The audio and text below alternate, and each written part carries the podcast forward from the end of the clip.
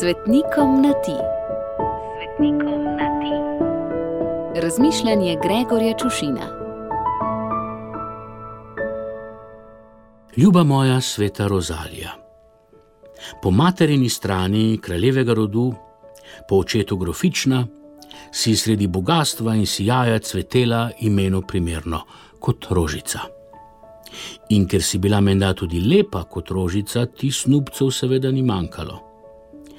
A v tvojem imenu se pravzaprav skrivata dve cvetlici: vrtnica in lilija. In kot se vrtnica strni upre in bori, da je ne utrga čisto vsak, ki se tega poloti, si se tudi ti branila snupcev, da bi to, kar predstavlja cvet lilije, deviškost in čistost, ohranila za nebeškega ženina, ki je osvojil tvoje srce. Medtem ko so se kraljeviči, grofi in vitezi gnetli v grajski spremnici, da bi pri tvojem očetu izposlovali poroko, se je nebeški ženin prismukal skozi stranska vrata, morda celo splezal skozi okno, spodkopal, kar je bilo treba spodkopati, ulomil, kar je bilo treba ulomiti, podkupil, kar je bilo treba podkupiti, da je prišel do tebe. In naj mi nihče, še posebej pa ne ti, ljuba moja sveta Rozalija, ne zameri takih primerjav, saj v razodetju lepo piše: Glej, pridem kakor tat. Kar ne pomeni, da Kristus ropa, čeprav težko vzame kaj, kar ni njegova last, ko pa je vse njegovo. Dosti krat pa ne izbira poti in človeka včasih preseneti takrat in tam, kjer najmanj pričakuje.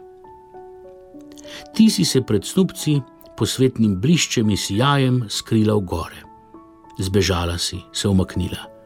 Še više čez nekaj časa, ko se ti je zdelo, da si še vedno preblizu ljudem.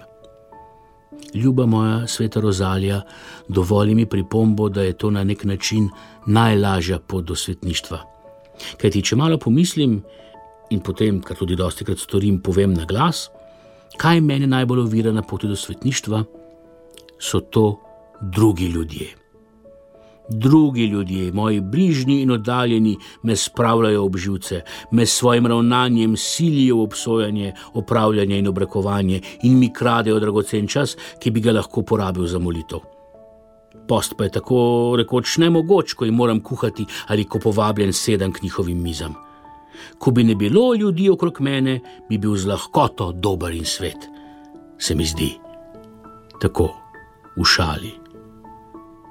Ljuba moja sveta Rozalija, svetništvo ni hec, to ti dobro veš.